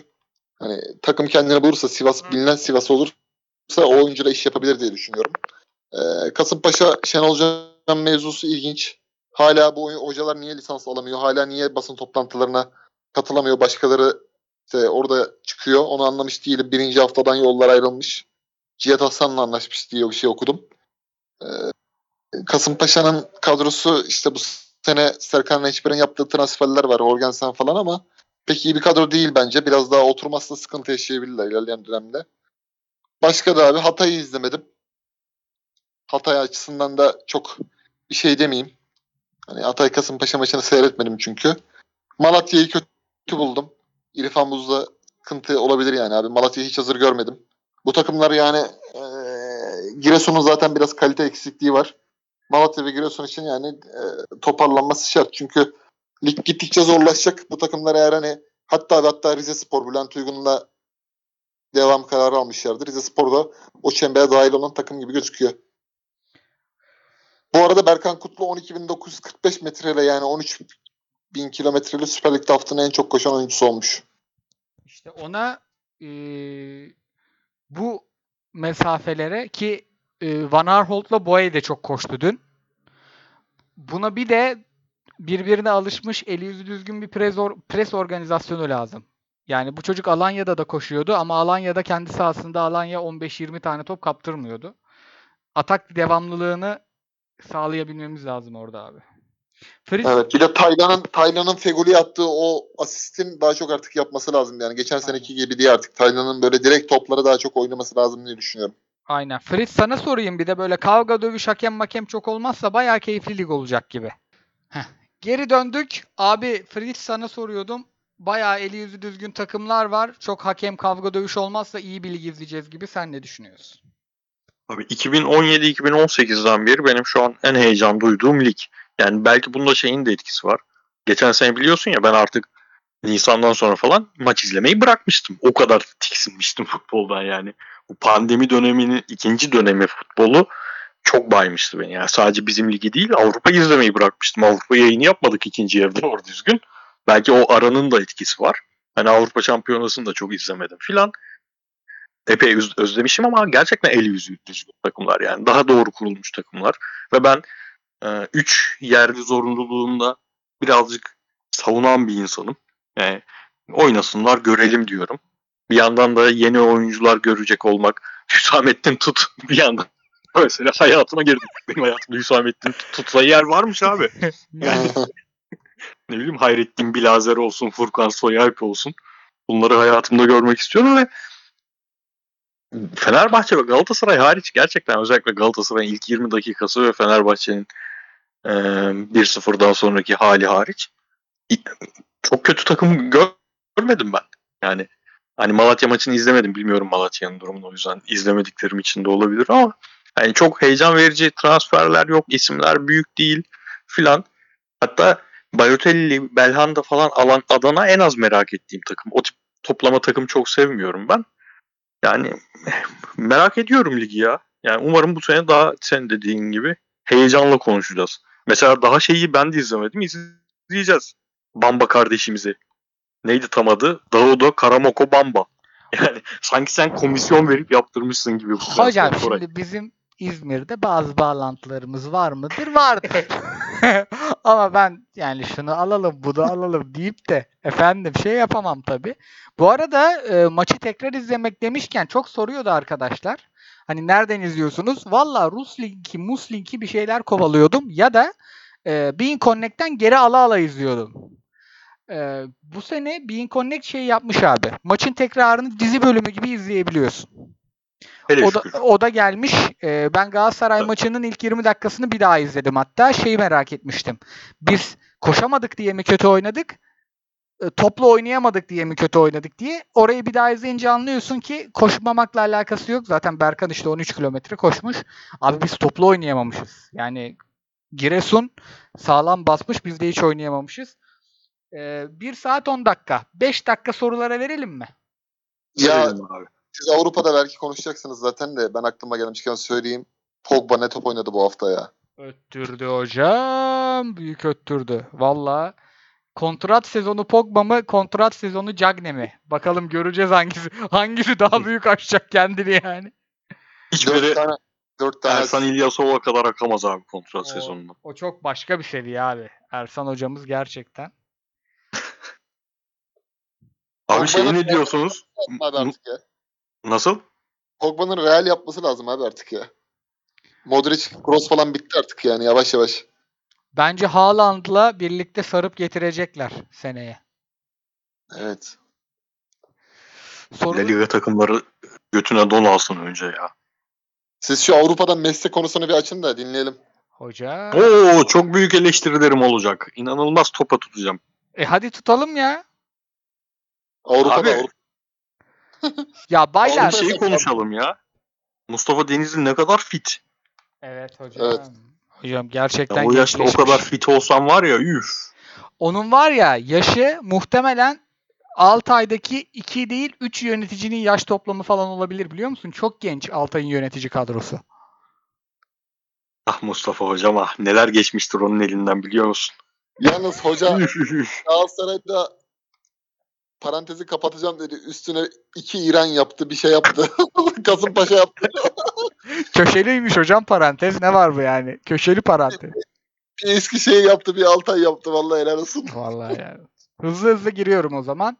Mustafa Uzun demiş ki Mesut'un golü sağda solda haber oldu. Hızlı hızlı geçiyorum. Kusura bakmayın soruları kısaltıyorsam. Ee, bunun tanıtımımıza katkısı olur mu? Ya Fenerbahçe'nin olmaz. Adana Spor'un olur. He, Çikaldaun güzel. Talha sormuş. Kıyıcı sence Çikaldaun'un pası isteyerek mi Cagney'e attı yoksa Feguli'ye miydi o pas? Bence Fegüli'yeydi ya. Bana da öyle geldi. Dört büyükler için kilit dört oyuncu söyler misiniz? Galatasaray'da bence Feguli ile Berkan. Berkan koşmazsa biz yapamayacağız belli. Fenerbahçe'de Fenerbahçe'de İrfan Ozan gidecek. Beşiktaş'ta yok abi. Ha Josef deriz. Trabzon'da da Bakasetas derim. Galatasaray'da ben abi Galatasaray'da kilit oyuncu görmüyorum ya. Hani Galatasaray artık oyuncuya bağlı değil de oyuna bağlı bir takım olmak zorunda. O yüzden kilit oyuncu görmüyorum. Beşiktaş'ta ama kilit oyuncu o oyunda Gezel diye görüyorum. O Gezel eğer geçen seneki Gezel olmazsa bu sene çok zorlanırlar. O da doğru. Haklısın abi. Fenerbahçe'de de kilit oyuncu savunmada görüyorum. Zalai gerçekten arkayı çok topluyor. Hani o oyun o oyunun handikapı arkadaki verilen gedikler Zalai'nin varlığı bir şekilde oyunu toparlıyor. Yani açıkları gedikleri kapatıyor. Trabzon'da da herhalde bu sezonun en kilit adamı da muhtemelen Malik Hamşik olacak. Devam ediyorum. Luyendama'ya tersten geniş alan stoperi demiş. Rakip 10 kişi kalınca şova koştu demiş Kadir. Katılıyoruz. Ahmet Musa sorusunu cevaplamış olduk. Ge- He, şu güzel soru. Getson gelecek dertler bitecek e, duruşuna taraftarımızın ne kadar katılıyorsunuz demiş Selim. Bu sorudan en az 10 tane var. Abi bu Getson üzerine çok konuşuluyor. Bir, bence biz Getson'u alamayacağız. Alırsa bence Beşiktaş alacak Getson'u. Çünkü adamlar harcıyor yani. Bizde limit yok, bir şey yok. Beşiktaş bir şekilde... Ben de Getson'un Benfica'da kalacağını düşünüyorum ya. Yani bir de bence Galatasaray'ın Giresun maçındaki dertlerinin çoğunu Getson çözemez. Getson Galatasaray'ı çok daha güzel bir takım yapar. Ama Galatasaray'ın ya şu an dört büyüklerin içinde derdi transferle çözülecek bir Beşiktaş var. O da iyi bir santrfor lazım da aldı. Başka yok. Her- Ben de öyle düşünüyorum. Getson dert çözmez ama Galatasaray'ın 11-12 tarzı bir havaya girmesi lazım. O hava lazım yani. Onu yapacak kişi de hocadır. Aynen. Aynen. iyi yani. Hakikaten bu sene hocası iyi olan kazanacak. yani. Yani bak 11-12'de herkes Mila'da Kayseri maçı Semih Kaya'nın oynadıyıp da işte e, Selçuk'un köşeden yerden gol attığı maç görür. Amına Batın bizi zorladığı maç ama ben Galatasaray'ın o sene iyi top oynayacağını Ordu maçında anlamıştım. Hani Kazım, Baroş, Selçuk, Melo bir şeyler göstermişti takım yani. Oyundan keyif alıyordu ya. Fener maçından önce, önceydi bu Ordu maçı yanılmıyorsam. Ya önceydi ya sonraydı. Oyundan tak yok sonra sonra mıydı önce miydi hatırlamıyorum ama o arada bir şey oyundan keyif almaya başlar yani. Ya Fener'i yendiler ondan sonra orada gittiler. Kenardan işte Engin Baytar ortalıyor. Kazım arka direkte geliyor. Yerden mermi gibi vuruyor. Kazım topu alıyor. Beke çıkartıyor Eboe'ye. Baroş'a bırakıyor. Böyle keyif aldığını anlıyordun yani takımın. Şimdi skor aldıktan sonra oyun işte rolantiye alalım. Oyunu böyle bitirelim gibi bir takım var. Böyle tat vermiyor yani. Benim çıtam 11-12 her zaman. O yüzden o tür bir e, seviyeye yakaladığımız zaman biz ligin favorisiyiz. Ama orayı bulmamız lazım bir şekilde. O zaman hızlı devam ediyorum. Ya da geçen seneden örnek vereyim. Hadi 9 sene öncesi çok uzak oldu da Trabzon'da Arda'nın Oğulcan'a pas attığı maç var ya tak Evet. tak tak her yeri kapatıyordu. Aynı öyle bir şey oynamamız lazım. Geçtiğimiz maçta e, Giresun maçında böyle bir çok seri paslaştığımız 4-5 öyle sekans vardı. Her topçuların keyif aldığı da Markao'nun yumruğu bozdu. Hani Aynen. Hani Hamzaoğlu'nun şampiyon yaptığı takım 3 ay sonra lig açılınca kaleye gidemiyordu ya. Biz de Aynen. kafamızı taşlara vuruyorduk. O arada bir derede olmaması lazım takımın. Gerçekten zirveyi görmesi lazım. Limitlerini zorlaması lazım. Ramoningen ve Stanley Ipkis'in sorularını cevaplamışız. Mert Demir Beşiktaş'ın yerli sıkıntısı var. Ee, ne düşünüyorsunuz demiş. Çözdüler onu aslında. Rıdvan oynar aslanlar gibi. Geçen maçta kim oynadı? Salih oynadı. Kenan oynadı. Üçüncü kimdi? Erkin. Kaleci. E, tamam abi yok. Yok yani öyle. Bunlar iyi oyuncular. Bir de Beşiktaş Dorukan'dan çabuk vazgeçti ya. Abi. Sergen onu toparlayabilirdi. O da uğraşmak istemedi pek. Ama yani Rozier'den fazla para kazanıyor abi Dorukan Trabzon'da. Yani, Yani, bir de geçen sene taraftarla girdiği diyaloglar Evet. falan. Yani Evet. Messi, Messi değilsen olmaz artık o, o topçudan aynı takımda. Trabzon'la ilgili Abdülhamit'in sorusunu cevapladık. Marka konusunu cevapladık. Avrupa programı ile ilgili gelmiş bir soru bakacağız. Abiler selamlar herkese. Futbola dair en gül futbola dair en güldüğüm tabir olan karateciyi aranızdan hanginiz buldu? Can Mutlu. Ben Can Mutlu'dan duydum ve çalıyorum deyip çaldım. Abiler selam. Marka atıldıktan sonra Luyendama'nın konuştuk. Galatasaray 3 yıl 3 yıl evet konuştuk. Soner Çakmak. Abi soruyu soranların isimleri oku ya. Aynen. Soruyu okuma boşver. Tamam tamam abi. Soner'cim eee Heh, güzel. Bu güzel soru. Trabzon, Beşiktaş veteranlara harcadı. Galatasaray, Fenerbahçe bonservisli gençlere yöneldi. Sizce bunun meyvesini kim toplayacak? Hangi takımın hocası en iyisi o toplayacak bence. Devam ediyorum madem. Keremcim teşekkürler. İlk haftadan kesin düşer dediğiniz takım var mı? Metin Kurt yalnızlığı sormuş. Aa var mı? Ben de merak ettim. Valla Trabzon bu kadar iyi değilse bence Malatya patlar. Benim de Rize patlar diye düşünüyorum. Rize hadi artık patla be kardeşim abi. bu sene de Bülent Uygun, Bülent Uygun yine yapmış yapacağını ya. bu sene de 4 takım düşüyor değil mi ligden? 20'den 16'ya. Dört, kadar. dört, dört Aa, düşüyor. Of vallahi kurtlar sofrası. Abi Giresun bana da en sıkıntılı gelen kadro Giresun gö- görünüyor şu an. Abi tabii Giresun'da evet. Giresun'a belli ama ya. Mehmet Özdilek falan giderler yani. Bir ara sıcak yaparlar. Mehmet Özdilek'siz olmaz. Barbaros sormuş. Gözünüze çarpan 5 karateci kim oldu ilk hafta diye. Hüsamettin bunun ödülünü alır. Hüsamettin şey ya. Siyah kuşak. Aynen. Namı değer Koala Hüsamettin. Müthiş sarıldı yani. Flavio da Trabzon'dan beri büyük karatecidir. Giresun'da o gözüme takıldı. Adana Demir'de yoktu. Beş, büyük takımların Rize'de vardı ya. Abi Rize'de vardı. Bir Rizeli çıkartırım oradan. Bir de Antep'te bir çocuk. İşte isimlerini bulur Twitter'dan yazarım. Aa bu arada ben Antep'i de beğendim ha. Ben de beğendim. Yani fena top Değil oynamadı. mi? Güzel takım yapmış. Evet evet. Yani iyi takımlar arasında saydık Anadolu takımlar arasında. Şimdi herkesin kafasında Demokles'in kılıcı şey Şumudika. Aynen aynen abi. Yarın öbür gün Romanya Ligi'nden sıkılır bırakır işi. Aynen. Burada birine talip olur gelir. 3-4 hafta sonra çeşitli şakalarla Türk basınına yamamaya başlar kendini. E, marka olayından sonra Kaan Ayhan üzerine gider mi Galatasaray demiş Doktor Şirek. Kaan Ayhan'ı Beşiktaş alıyormuş. Yani okuyoruz Twitter'dan. Bence Marcao eskaza satılırsa Lyon Marcelo'yu yolladı. Marcelo'yu Chris usulü getiririz biz. Devam ediyorum. Çok özledikler gelmiş. Sağ olun. Heh, Alanya'nın 3-4-2-1 sistemine bir bakış atar mısınız demiş Erdem. Abi takım o kadar yakın oynuyor ki ben üçlü oynadıklarını anlamadım. Alanya takımı komple değiştirmiş ya. Vallahi. Kötü, tamamen ya. Abi şeye üzüldüm bir Mubanje'nin ligden gitmesine ama Evet.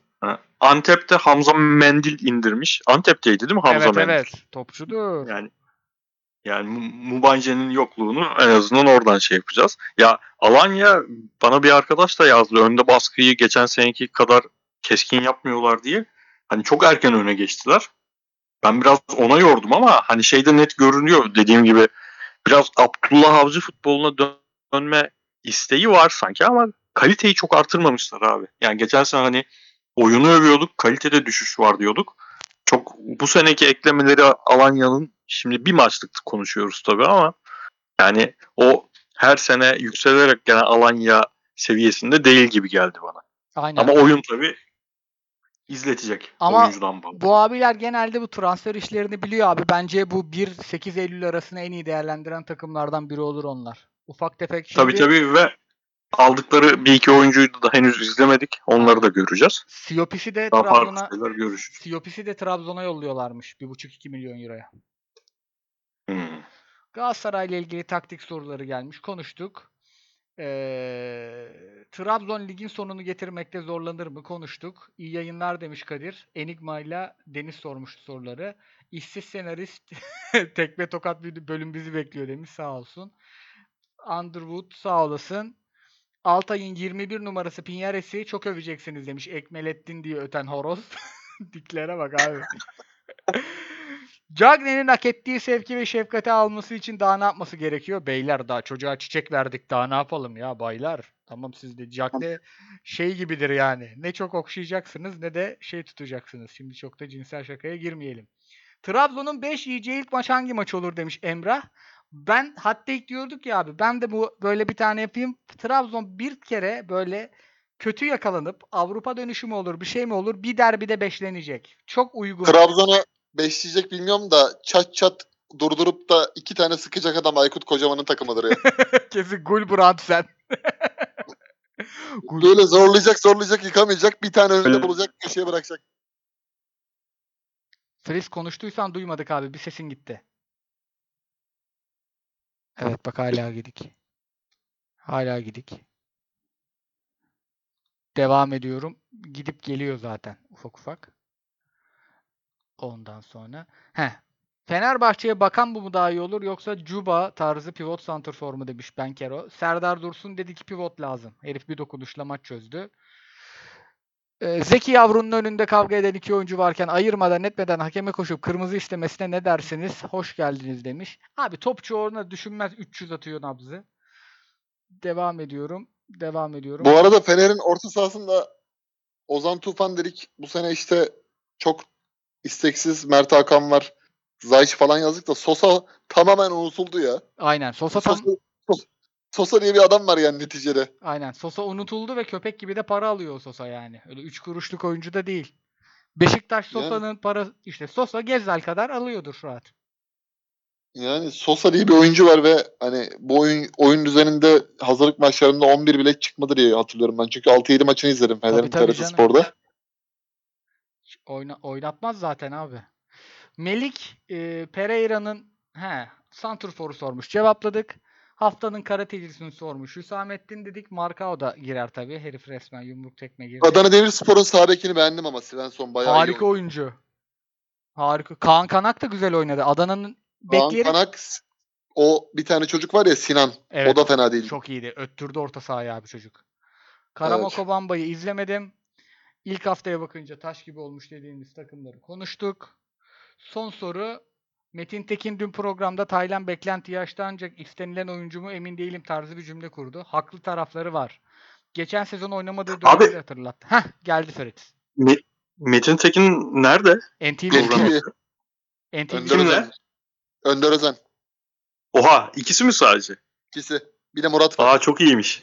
İyi sevindim. Kosovo. İzleriz artık o Ha, zaman. yorumcu da Murat Abi- Kosova. Oh ra- rahatladık ya. 3 senedir Önder Özen izleyeceğiz diye Hüsamettin Tut röportajı izliyorduk saatlerce ya. Bura şey neydi ya?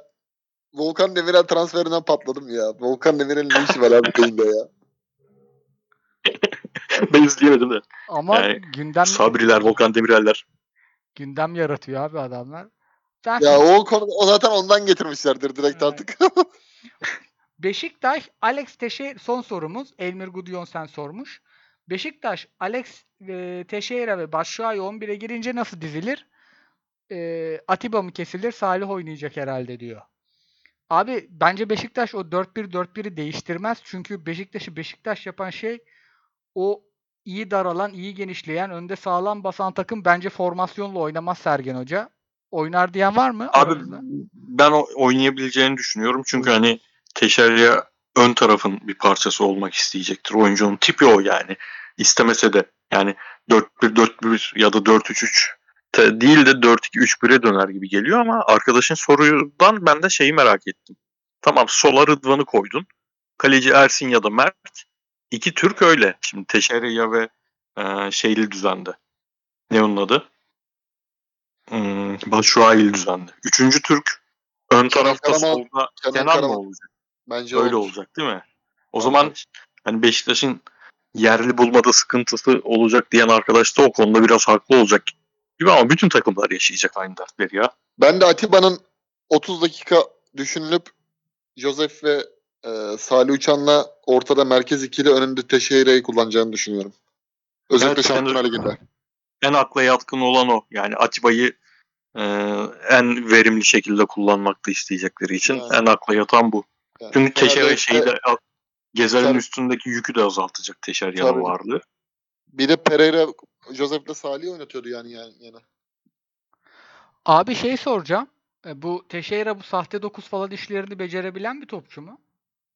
Bence yapar. Yani Batshuayi'nin belki böyle e, golle ilgili sıkıntıları olduğu zamanlarda ıskartaya çıkabilecek bir oyuncu ya. Yani Batshuayi'nin sahada kalması için düzenli gol atması lazım. Çünkü oyuna katkısı çok çok düşük. Öyle dönemler olursa Teşerya ön tarafta geçen sene hani Gökhan Töre'yi bile kullanmak zorunda kalmıştı ya en uçta. Aynen. Onu verimli şekilde yapabilecek bir adam bence. Tabi Teşerya'yı da yani öyle çok aşırı izlediğimden değil. Sadece Şampiyonlar Ligi'nde denk gelince izlediğimiz adam. Ama şey fikri çok iyi mesela. Kafada direkt oturuyor abi. Teixeira'nın önüne hani Batshuayi, Christoph Daum hücum attı gibi yani. O da Alex'in önüne Kazım'ı falan koyup da atletizm istiyordu ya bazen. Evet evet. Bu da yani mantıklı yani. Yaprak sarmasının yanına yoğurt gibi oldular yani bu ikili. Larin kardeşimize ama bu yabancı sınırı herhalde en çok onu vuracak. evet, güzel bir fiyat Efsane sezon geçirmişsin. Yedek kalacaksın. okuturlar bence onu. Kaynak yaratırlar. Diyelim Yani piyasası bu noktadayken bence zaten direkt çakmak Evet, lazım. yani. Ersin'i de abi. Bak Mert Günok'u aldın. Ersin'de 3'ü 5'i gördün mü hemen bence. Aynen yapıştır gitsin. Aynen. Bizim bizim böyle satma oyu olmadığı için hani sattığın zaman çünkü yerini almak eziyet geliyor. Yerini doldurmaktan korkuyorlar abi. Sat. Sen bir şekilde Evet, onu evet. doldurursun. ya. Abi bir Fener beceriyor işleri. Bak Ademi'den 2 milyon euro almışlar ya. Ademi'den. Herif yani, Yani- iki, Ikea oturma takımı herif ya. Yani şöyle bir şey sen Cenk'i satıyorsun abi 22 milyona satıyorsun Everton'a ve gidiyorsun yerine Wagner Love alıyorsun. Lan bu zaten yanlış kafadan. Yani Cenk'i sattın mı 22'nin 10'una iyi bir adam alacaksın ki çark yürüsün yani. ben Bana bize istiyordum o zaman Wagner Love'ı.